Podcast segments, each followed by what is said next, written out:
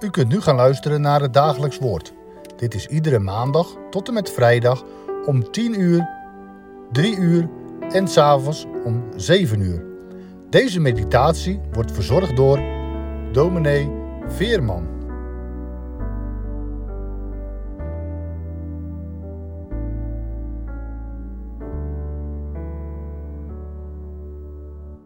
Beste luisteraars, we lezen verder in Handelingen 19. Lezen vanaf het 23ste vers. Maar in die tijd ontstond er een niet geringe opschudding over de weg van de Here. Want iemand van wie de naam Demetrius was, een zilversmid die zilveren tempeltjes van Artemis maakte, verschafte aan zijn vakgenoten een niet gering inkomen. Hij riep hen bijeen met de arbeiders die zulke dingen maakten en zei: Mannen, u weet dat wij aan deze bezigheid onze welvaart ontlenen. En u ziet en hoort dat deze Paulus een grote menigte, niet alleen in Efeze, maar in bijna heel Azië overtuigd en afkerig gemaakt heeft van de goden, door te zeggen dat goden die met handen gemaakt worden geen goden zijn. En wij lopen niet alleen het gevaar dat ons beroep een slechte naam krijgt, maar ook dat de tempel van de grote godin Artemis als niets beschouwd zal worden. En dat ook de grootheid dreigt te verdwijnen van haar aan wie heel Azië en de wereld eer bewijst. Toen zij dit hoorden, werden zij vervuld met woede en schreeuwden: Groot is de Artemis van de Efeziërs. Zo over de lezing uit het woord van onze God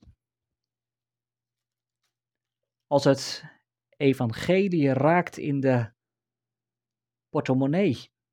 Want dat is wat hier gebeurt. Er ontstaat een grote opschudding, lezen we. Een grote opschudding vanwege de weg van de Heer. Wat is er aan de hand? Nou, er is iemand met de naam Demetrius. Demetrius is een zilversmid in de stad Efeze.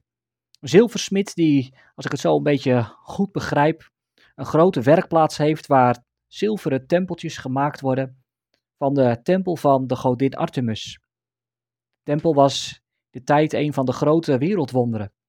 Een van de wonderen waar de mensen zich over verbaasden. Wat een tempel, wat een prachtig gebouw.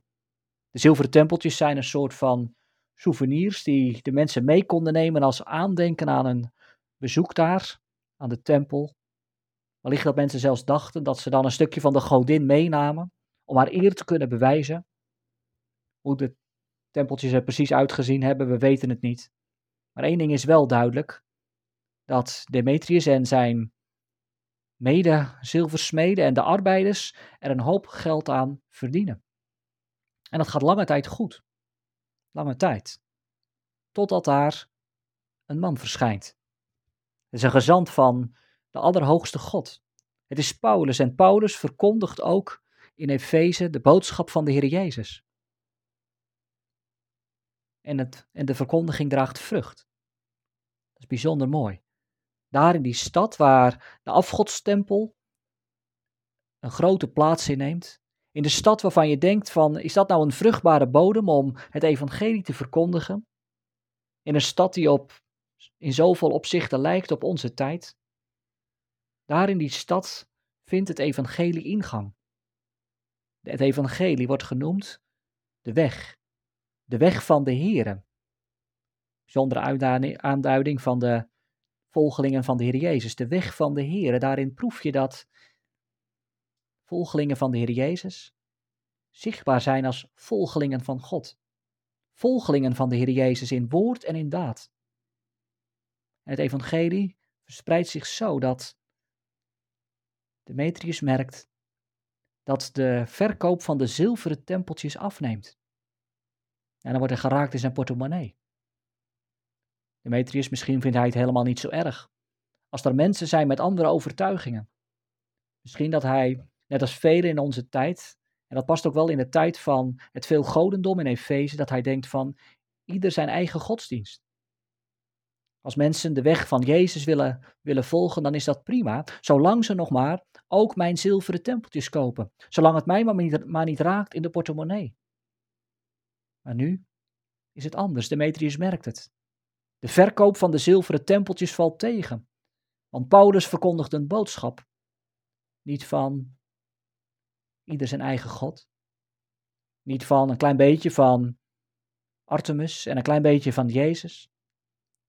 Niet van zet maar een zilveren tempeltje van Artemis in je huis en kniel daarna voor, daarnaast voor Jezus. Een kruis en een zilveren tempeltje. Nee, de boodschap van het evangelie is duidelijk. Jezus is de weg, de waarheid en het leven. Wie buigt voor Jezus, wie de weg van Jezus volgt, dient te breken met de afgoden. En juist dat, juist deze radicale boodschap, raakt de portemonnee van Demetrius. En wij, vandaag, als we zo eens kijken naar Demetrius die geraakt is in zijn portemonnee, heeft het volgen van de weg van Jezus ook invloed op de manier hoe wij omgaan met onze portemonnee? Het evangelie raakt ons ook vandaag. Als het gaat over waar wij onze welvaart aan ontleden. Als het gaat om de vragen rondom rijkdom en armoede in deze wereld. We leven in een wereld waarin we zoveel producten halen uit landen waar het moeilijk voor mensen is om rond te komen. Er zijn kinderen, vrouwen, mannen, die krom moeten liggen voor onze rijkdom.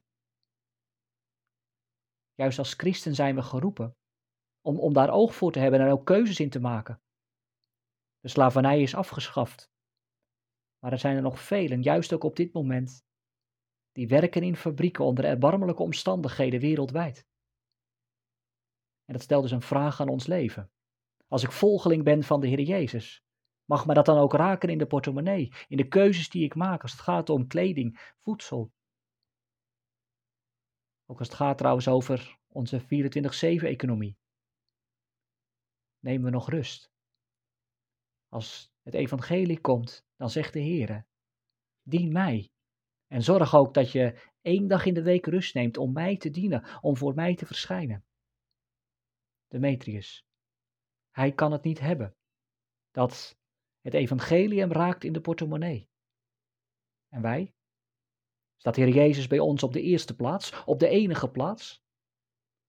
Of is het in ons leven toch ook nog zo? Aan de ene kant gaan we naar de kerk.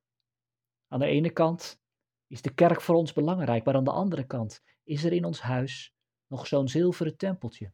Een zilveren tempeltje wat we een plaats willen geven naast de weg van de Heer Jezus. Ik weet niet wat het in uw leven concreet is, maar, maar, maar breek daarmee. En dien de Heere, de Heere, de God die de hemel en de aarde geschapen heeft. Die God waarvan Paulus heeft gezegd dat hij woont niet in een huis door mensen gebouwd, maar, maar, maar dat hij de God is van de hemel en van de aarde. Je leest daarover in Handelingen 17 vanaf vers 24. De God die de wereld gemaakt heeft en alles wat erin is. Deze die een Heere van de hemel en van de aarde is. Woont niet in tempels die met handen gemaakt zijn. Hij wordt ook door mensenhanden niet gediend, alsof hij iets nodig heeft, omdat hij zelf aan allen het leven, de adem en alle dingen geeft. Wat is deze God groot? En wat zijn die kleine tempeltjes?